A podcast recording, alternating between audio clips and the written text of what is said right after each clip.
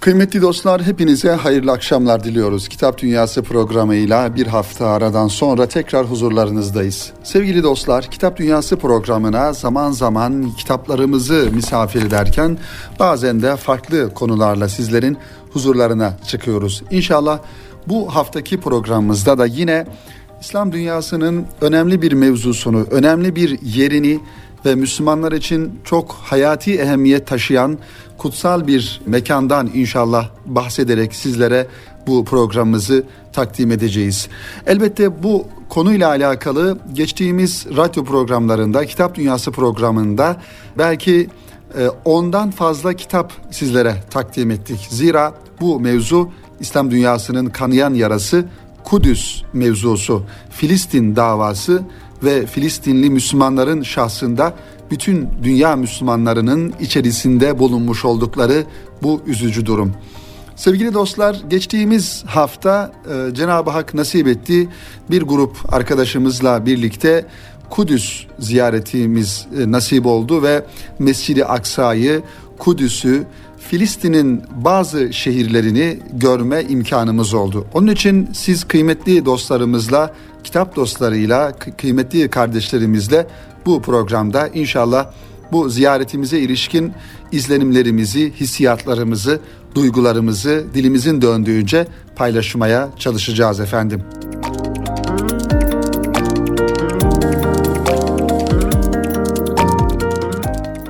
Malumunuz olduğu üzere kıymetli dinleyenler Kudüs ve Mescid-i Aksa ve bunun çerçevesinde Filistin, Filistin'deki Müslümanlar, Filistin toprakları neredeyse 100 yılı aşkın bir zamandan beri Yahudi devleti orada e, işgalci bir güç olarak varlığını sürdüren İsrail'le e, bu tartışmalar, bu çatışmalar ve hatta savaş devam ediyor.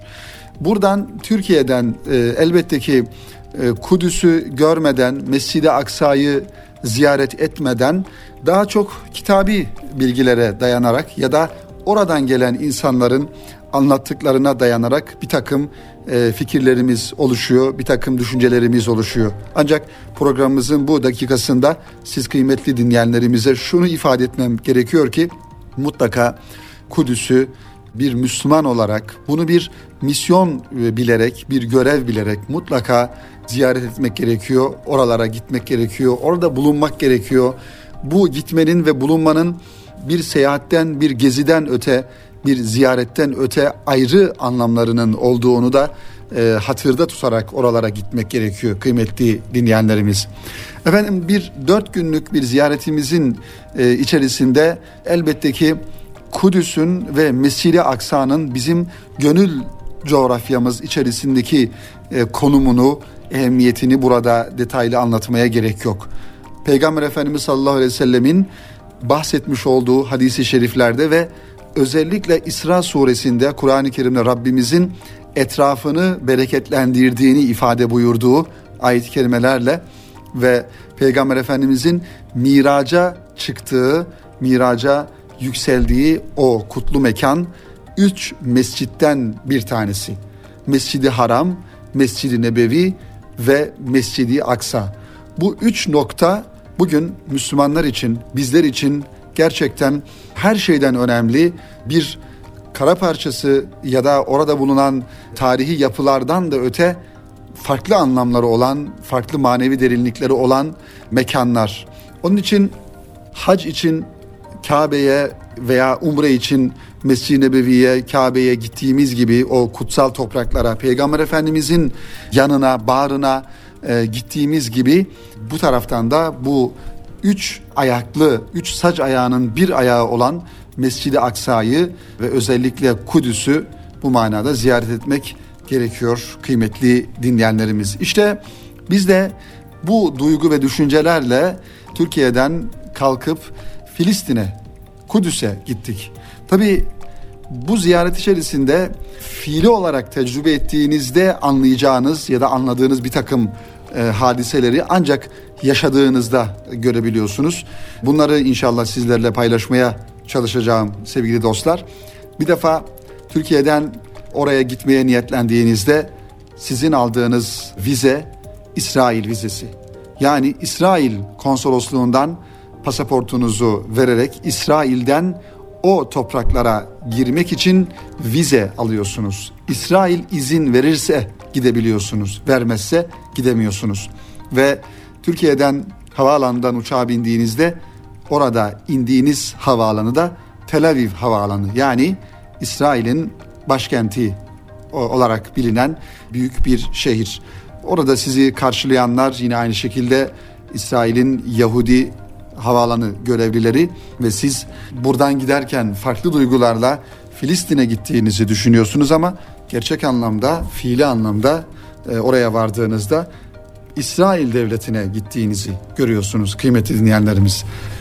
Biz de İsrail'in başkenti Tel Aviv'e indikten sonra hemen e, yakın e, bir şehir olan Yafa şehrine geçiş yaptık ve orada 2. Mahmud'un yaptırdığı Mahmudiye Camisi'nde sabah namazını kıldık, eda ettik ve orada zaten Tel Aviv'den çıktıktan sonra ki Tel Aviv sonradan oluşturulmuş bir şehir.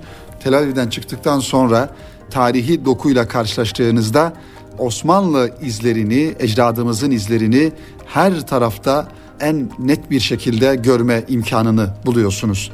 Bunlardan Yafa'dan başlıyorsunuz ve Osmanlı e, binalarını, mabetlerini, camilerini görmeye başlıyorsunuz. E, daha sonra Kudüs'e varıyorsunuz. Kudüs kıymetli dinleyenlerimiz bu tarihi anlamda tabii kitaplarda teferruatıyla anlatılan e, yönleriyle Kudüs gerçekten insanlığın yaratılıştan itibaren, insanlığın varlığından itibaren adeta bir hayat bulmuş bir şehir ve tarihi dokusuyla bütün medeniyetlerin, e, bütün dinlerin kendisini hissettirdiği, varlığını sürdürdüğü e, bir şehir olarak hala o ilk haliyle e, bozulmamış haliyle karşımızda duruyor. Gerçekten eski Kudüs denilen yer yani Kubbetüs Sahra'nın olduğu, Mescid-i Aksa'nın olduğu o ve o civar etraf tamamen taş yapılarla örülmüş ve eski kalelerle e, örülmüş, yapılmış, evleri hala insanların yaşadığı bir vaziyette hayatiyetini sürdüren e, bir şehir olarak karşımıza çıkıyor kıymetli dinleyenlerimiz. Bu şehir tabi üç din içinde Hristiyanlık, Yahudilik ve e, Müslümanlar için önemli bir e, konumda. Hatta şunu ifade edebiliriz ki bütün dünyanın kalbi Kudüs'te atıyor ya da Kudüs bütün dünyanın merkezini oluşturuyor. Dünyadaki siyaset, dünyadaki e, politik yönelimler ve dünyadaki hatta ekonomik farklılaşmalar neredeyse buranın durumuna göre şekilleniyor desek e, herhalde abartmış olmayız kıymetli dinleyenlerimiz. Onun için Kudüs'ü konuşurken e, ya da Kudüs ile alakalı duygularımızı, düşüncelerimizi ifade ederken bu gerçekleri de e, bilmek gerekiyor. Yani milattan önce Hazreti İsa'nın dünyaya gelişi, Hazreti İsa'nın çarmıha girilişi, Meryem annemizin dünyaya geldiği ve inzivaya çekildiği, Süleyman Aleyhisselam'ın yaşamış olduğu bölge, yerler, bütün Davut Aleyhisselam'ın, bütün peygamberlerin neredeyse birçok peygamberin orada hayat sürdüğü, ayak izlerinin olduğu, yaşadığı mekanları bir bir görüyorsunuz kıymetli dinleyenler ve oradaki hadiselere bir tarihe yolculuk yaparak şahit oluyorsunuz. İşte Kudüs'ü gezerken özellikle Mescid-i Aksa'nın civarını gezerken bu duygulara, bu hissiyata kapılıyorsunuz. Şöyle bir bilgi tasihi yapalım. Bilen kardeşlerimiz tabii ki biliyorlar ancak e, yanlış bir algılama e, olarak bu fotoğraflarda gördüğümüz sarı e, altın kubbeli olan e, mescidin ismi Kubbetüs Sahra kıymetli dinleyenlerimiz. Ve bu mescidin yani Kubbetüs Sahra mescidi ile hemen doğu tarafında bulunan Mescidi Aksa'nın içerisinde bulunduğu 144 dönümlük bir yerin tamamının adı Mescidi Aksa olarak biliniyor. Bu bilgiyi tahsil etmek gerekiyor. Çünkü daha çok ülkemizde e, fotoğraflardan gördüğümüz sarı altın kubbeli mescidin Mescidi Aksa olduğu bilgisi daha çok yaygın ama oranın adı Kubbetüs Sahra Onun ve onun doğusunda bulunan siyah kubbeli mescidin, caminin bütün alanı 144 dönüm alanın ismi Mescidi Aksa olarak gerçek anlamda bilmek gerekiyor. Tabi dedik tarihi anlamda çok izlerin olduğu, çok medeniyetlerin yaşadığı, çok insanların burada hayatlarını sürdürdüğü bir mekan olması hasebiyle her türlü dine, medeniyete ait izleri, mabetleri görmüş oluyorsunuz ve aynı zamanda hala hazırda Müslüman mahallesi, Yahudilerin yaşadığı mahalleler, Hristiyanların yaşadığı mahalleler, Ermenilerin yaşadığı mahallelerde hala hayatiyetini devam ettiriyor. Bu 144 dönümlük arazinin yani Mescidi Aksa'nın etrafını çevreleyen e, yüksek kaleler kıymetli dinleyenlerimiz Kanuni Sultan Süleyman tarafından yaptırılmış, tamamlanmış.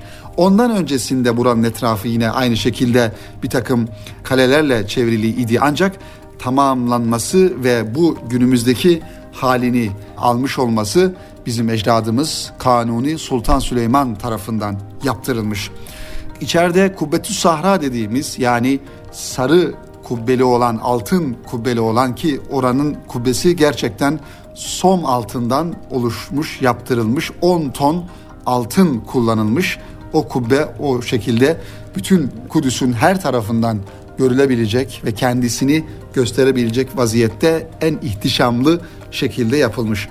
Bu mescidin dış kaplamaları, çinileri, mavi çinilerinin üst tarafları e, Yasin-i Şerif yazılı ve bu çinileri de yine ecdadımız Sultan Süleyman yani Kanuni Sultan Süleyman yaptırmış kıymetli dinleyenlerimiz. Ve hemen bu kalelerin dışındaki bir caddenin adı da Sultan Süleyman Caddesi e, olarak e, ismini almış. Bir tanesi de Selahaddin Caddesi, Selahaddin Eyyubi'den dolayı o caddede Selahaddin Eyyubi'nin ismini almış. Bu kalenin 13 tane kapısı var kıymetli dinleyenlerimiz. Bu 13 tane kapının 4 tanesi e, farklı sebeplerden dolayı güvenlik açısından geçtiğimiz yüzyıllarda güvenlik açısından kapatılmış. Yani duvarları örülüp tamamen kapatılmış. Ve kalan 7 tane kapı da açık bir vaziyette ve oradan girişler sağlanıyor. Burada önemli söyleyeceğimiz nokta şu ki e, Mescid-i Aksa'nın her tarafı yani etrafı kalelerin kapıları İsrail askerleri tarafından giriş ve çıkışları kontrol edilerek Müslümanların ya da oraya giden turistlerin giriş ve çıkışları tamamen İsrail e, polisi ve İsrail askerleri tarafından kontrol ediliyor ve her birisi tam teçhizat, silahlı e, istediği, istedikleri bir şekilde insanlara pasaportlarını soruyorlar ve alıkoyabiliyorlar.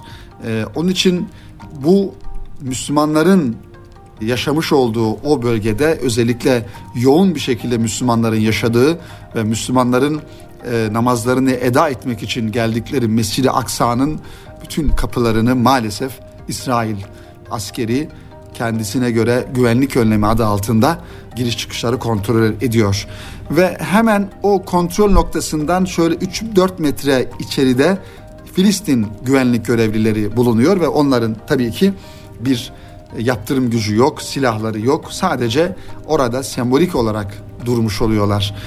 Kıymetli dinleyenlerimiz Kudüs'te e, şöyle bir Filistin'in ve İsrail'in genel anlamda yönetim e, şeklini ne kısaca temas edecek olursak Kudüs'te 900 bin nüfuslu bir şehir Kudüs. 900 bin insan yaşıyor. Ee, ve bu 900 bin insanın 300 bin, 350 bin civarındaki yaşayan insanı oranın yerli ve orada dedeleri yaşamış, dedelerinin dedeleri yaşamış olan Müslümanlar. Filistinli Müslümanlar yani. Fakat gel gör ki kıymetli dinleyenlerimiz bu insanların kimlikleri yok ve bu insanlar kendi topraklarında, kendi şehirlerinde, kendi vatanlarında Ürdün geçici pasaportu kullanarak yaşıyorlar ve kendilerini yönetecek bir tabi oldukları devlet de yok. İsrail devleti sözüm ona İsrail devleti e, bu insanlara kimlik vermiyor. Zaten kimlik verse de bu insanlar kabul etmiyorlar. Onun için bu insanların e, statüsü kendi ülkelerinde mülteci konumunda bir vaziyette yaşamaya devam ediyorlar. Aynı zamanda İsrail devleti bu insanların yani Kudüs'te yaşayan Kudüs'te yaşayan 300 bin Müslümanın ikametini her 10 yılda bir uzatıyor e, isterse veya uzatmıyor. Onun için oradaki yaşayan Müslümanların gerçekten durumu içler acısı bir vaziyette. Kıymetli dinleyenlerimiz Kudüs'ün bu anlamdaki yaşayan insanların e, yani yaşayan insanların genel anlamdaki dağılımı ve e, Müslümanların durumu e, bu şekilde. Şimdi Kitap Dünyası programında bu hafta farklı bir yaklaşımla farklı bir konuyu sizlerle paylaşmak için inşallah ikinci bölümde Erkam Radyo'da kaldığımız yerden devam ediyoruz. Elbette ki kıymetli dinleyenlerimiz Filistin davası ve Kudüs ve daha özelinde Mescid-i Aksa ile alakalı duygularımızı, düşüncelerimizi öyle yarım saate, 15 dakikaya, bir saate sığdırmamız mümkün değil. Bunun farkında olarak sadece yapmış olduğumuz bir Rabbimizin nasip ettiği bir Kudüs ziyaretiyle alakalı bir kardeşiniz olarak hissiyatımızı, duygularımızı paylaşmaktan öte bir şey değil bizim yapmaya çalıştığımız. Belki bu programı dinleyen, bu programa tesadüf eden bir kardeşimizin yüreğine, e, yüreğinde var olan o Kudüs coşkusuna bir nebzede olsa katkı sağlayıp oraya gitmeye teşvik edebiliyorsak herhalde kendimizi bahtiyar addedeceğiz. Kıymetli dinleyenlerimiz Kudüs'teki yaşayan Müslümanların konumundan bahsetmeye çalıştık biraz ve Kudüs'le alakalı bilgi vermeye çalıştık e, programımızın birinci bölümünde. Tabii şehirde genel anlamda büyük bir gerginlik söz konusu. Ve tabii ki bu gerginliğin sebebi Müslümanlar değil. E, zira işgal eden oradaki insanların elinden topraklarını, vatanlarını alan Müslümanlar değil. Bu gerginliğin sebebi hiç şüphesiz sonradan oraya gelip bir şekilde zorbalıkla ve Müslümanların yerlerini, vatanlarını, topraklarını gasp ederek onların ellerinden alan İsrail devleti. İsrail devletinin nüfusu, daha doğrusu Yahudilerin nüfusu kıymetli dinleyenlerimiz dünya genelinde 13 milyon. En fazla 15 milyon ve İsrail'de yaşayan Yahudilerin nüfusunun da daha aşağılarda, daha az olduğu yani 7-8 milyon olduğu ifade ediliyor ama bu insanlar e, pervasızca, utanmaz bir şekilde Müslümanların yerlerini işgal etmeye devam ediyorlar. Onun için e, kıymetli dinleyenlerimiz şehirde dolaşırken bir defa karşılaşmış olduğunuz hiçbir Yahudi ile göz göze gelmemeye çalışıyorsunuz. Çünkü arada müthiş bir nefret ve karşılıklı gerilim söz konusu. Bize refakat eden, orada bizi gezdiren Filistinli bir abimiz İbrahim Bey kendileri Türkiye'de üniversiteyi okuduklarından dolayı Türkçeyi de gayet güzel konuşuyorlardı. Öğretmenlik yapıyor orada. Onunla bir tabi bizzat orada hayatını sürdüren, yaşayan, oranın yerlisi olan bir insan olarak konuştuğumuzda şunu söyledi. Hiçbir şekilde bir Yahudi ile bir irtibatımız olamaz. Onların da bizimle olamaz. Çünkü onlar bizim buradan gitmemizi istiyorlar ve bizim yok olmamızı istiyorlar. Ama e, gel gör ki sevgili dinleyenler Kudüs yönetim olarak yani polisiyle, askeriyle, devlet kurumlarıyla tamamen İsraillerin elinde olduğundan dolayı her tarafta İsrail bayrağını görmeniz mümkün. Filistin adına herhangi bir unsur göremiyorsunuz. Peki Filistin nerede diye soracak olan dinleyenlerimiz olacak. Filistin baktığımızda Filistin'de farklı yönetim şekilleri var. Yani bizim Türkiye'de sıkça dillendirilen Filistin devleti dediğimiz Mahmut Abbas'ın başkanlığında olan Türkiye'nin de tanıdığı e, bir Filistin devleti söz konusu. Bu Ramallah isimli şehirde e, ve farklı şehirlerde yönetimi idare eden. Aynı zamanda Gazze'de Hamas denilen grup Gazze'yi e, idare ediyor ve yönetimi orada. Ama Kudüs'teki Müslümanların durumu ise hepsinden daha kötü. Yani Gazze'de elbette ki bir e, ambargo söz konusu. İçeriden dışarıya, dışarıdan içeriye herhangi bir şeyin girmesi, girişi çıkışı sıkıntılı olmasına rağmen Kudüs'te Müslümanlar sahipsiz sevgili dostlar. Bu duygular tabii ki orada dolaştığınız e, süre içerisinde gerçekten insanın içini yakan, Müslümanın Müslüman olarak yüreğimizi kanatan bir e, görüntü, bir manzara. Müslümanların maalesef ümmeti Muhammed'in aslında bir acı fotoğrafını orada görüyorsunuz ve Kudüs acısı yıllar önce Altınoluk dergisinin kapağında bu manşetle çıkmıştı. Kudüs acısı bundan 30 yıl önce ve geldiğimiz noktada 30 yıl sonra 40 yıl sonra o Kudüs acısı hala yüreğimizde saplanmış bir hançer gibi durmaya devam ediyor ve bizim yüreğimizi kanatmaya devam ediyor kıymetli dinleyenlerimiz. Şimdi bu Kudüs'ün statüsüyle alakalı elbette ki devletler arası, uluslararası kuruluşlar, Birleşmiş Milletler, Avrupa'sı vesairesi bunlar o statüyü belirleme noktasında şüphesiz etkili olacaklardır.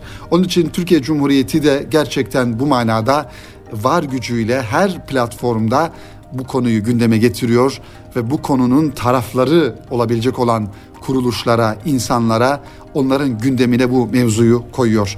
Peki bir Müslüman olarak kıymeti dinleyenler bir fert olarak bizim hangi pozisyonda olmamız gerekir? Hangi durumda olmamız gerekir? Biraz bunu düşünmek lazım. Bir defa destek anlamında maddi ve manevi bütün desteklerimizi, dualarımızı hiçbir zaman Kudüs'ten, Mescid-i Aksa'dan ve orada yaşayan Müslümanlardan esirgemememiz gerekiyor. Herhalde bütün namazlarımızda, namazlarımızın sonunda yaptığımız dualarda herhalde değil, kesin bir şekilde Kudüs için yüreğimizden, kalbimizden en samimi duygularımızla dualar etmemiz gerekiyor kıymetli dinleyenler. Müslümanların orada işgal altında olan Peygamber Efendimizin miraca çıktığı o Kubbetüs Sahra öyle diyor bir e, hocamız.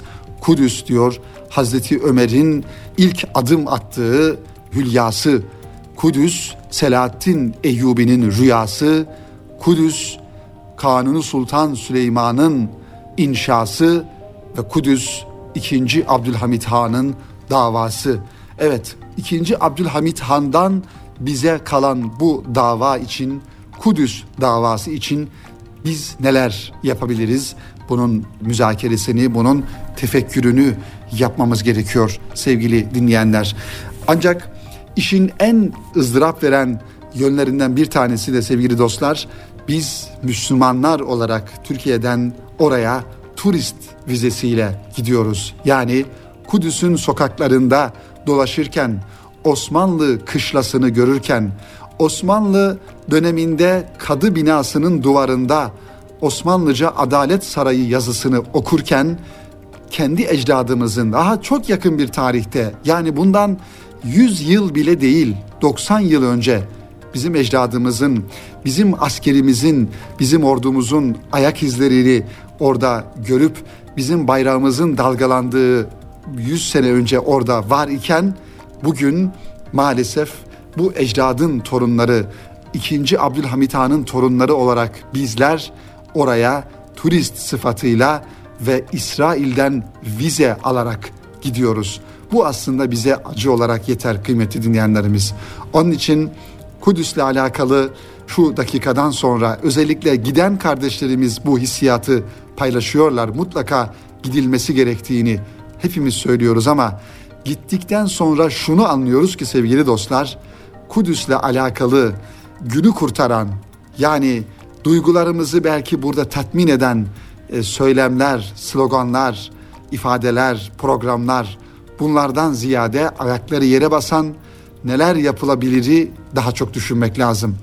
Yani orada şunu sordum ben bizi gezdiren rehber abimize oralı olan Filistinli olan İbrahim Bey'e dedim ki burada Müslümanlar hayatlarını nasıl sürdürüyorlar? İsrailler nasıl sürdürüyorlar? Dedi ki İsraillerin elinde silah sanayisi var. Bunlar bilgiyi kullanıyorlar. Sanayi silah satıyorlar, silah üretiyorlar. Dünyanın en gelişmiş silahlarını üretiyorlar ve bunların maddi anlamda hiçbir sıkıntıları yok. E, hatta dünyanın farklı ülkelerinden Yahudileri, Yahudi yerleşimcileri getirip Filistinlilerin topraklarını gasp edip orada onlara ev yapıyorlar ve her doğan Yahudi çocuk için de aileye 380 dolar maaş bağlıyorlar her çocuk için. Ve kıymetli dinleyenler Filistin'de en az çocuk yapan aile 7 tane. 17 tane çocuğu olan aile tanıyorum dedi bizi gezdiren rehberimiz. Onun için peki Müslümanlar? Müslümanlar ise sefalet içerisinde, sıkıntı içerisinde ve hayat Kudüs'te o kadar pahalı ki kıymetli dinleyenlerimiz. Yani zaman zaman hani Türkiye'de hayatın pahalı olduğundan şikayet ediyoruz ama orada İsrailliler Filistinlileri siyasi, ekonomik, sosyal her alanda bir girdaba sokmuşlar, bir sıkıntı haline sokmuşlar. Etin kilosu kıymetli dinleyenler temel gıda ihtiyaçlarından olan etin kilosu 30 dolardan satılıyor. Bir Filistinlinin çalışma ortamı, bir sanayi ortamı, bir fabrika ortamı yok. Dolayısıyla oradaki e, hayata razı olmak durumundalar. Hayata razı olmazlarsa zaten İsraillerin de istediği bu. Razı olmuyorsanız çıkın gidin diyorlar Kudüs'ten. O yüzden orada bir manada Kudüs'te yaşayan 300 bin tane Müslüman aslında bütün Müslümanların onurunu, şerefini korumak için orada canı pahasına maddi sıkıntılar içerisinde yaşamaya, varlık sürdürmeye devam ediyor. Bunun mücadelesini veriyor. Peki ümmeti Muhammed'in diğer ülkelerindeki insanları yani kıymetli dinleyenler belki her duygu bu radyo aracılığıyla, mikrofon aracılığıyla bütün duygularımızı burada belki söylemek çok isabetli olmaz ama bütün Müslümanların, varlıklı Müslümanların veya elinden bir şeyler gelen insanların, Müslümanların Kudüs'ü birinci olarak gündemine alıp Mescid-i Aksa'yı oradaki yapılabilecek her neyse yardımsa yardım, dua ise dua, destekse destek, insan yetiştirmekse insan yetiştirmek bütün bunları gündemine almalı ve bu istikamet üzere devam etmeli diye e, düşünüyorum e, kıymetli e, dinleyenlerimiz.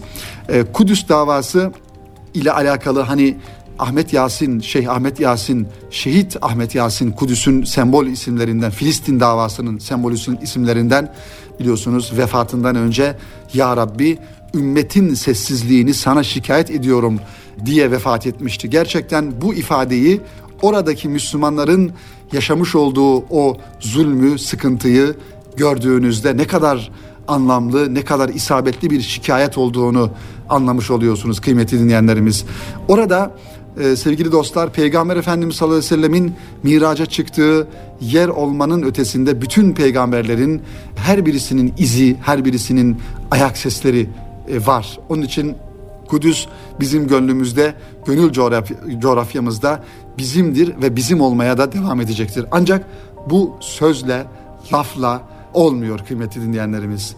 Biz bunları söylerken, biz burada belki Kudüs'e ağıtlar yakarken, Kudüs için şiirler yazarken, Kudüs için toplantılar, programlar, mitingler yaparken orada elin Yahudisi, İsrail'in Yahudisi almış başını gitmiş, Kudüs'ü de işgal etmiş, Mescid-i Aksa'nın da etrafını çevirmiş, Müslümanları da orada bir sıkıntıya sokmuş ve zulüm etmeye devam ediyor. Belki şu dakikadan itibaren yapılabilecek olan en önemli şey orada varlığımızı sürdürmek. Bunun için de elimizden geldiği kadar oraya gitmek, giden insanlar ya da gitmek isteyen insanları oraya teşvik etmek. Çünkü oradaki Yahudiler, Müslümanları, Türkleri gördükleri zaman ha bu Müslümanlar burayı sahipsiz bırakmıyor. Bunlar buraya geliyor, buraya sahip çıkıyor diyorlar ve demeleri gerekiyor. Onun için kıymetli dinleyenlerimiz Kudüs bizim geçmiş ve geleceğe dönük en büyük davamız, en önemli dünyadaki noktalardan bir tanesidir. İnşallah yine programımızın bu dakikalarında, son dakikalarında sevgili dinleyenler Rabbimize dua ediyoruz ki Müslümanları bu zilletten bir an önce kurtarsın.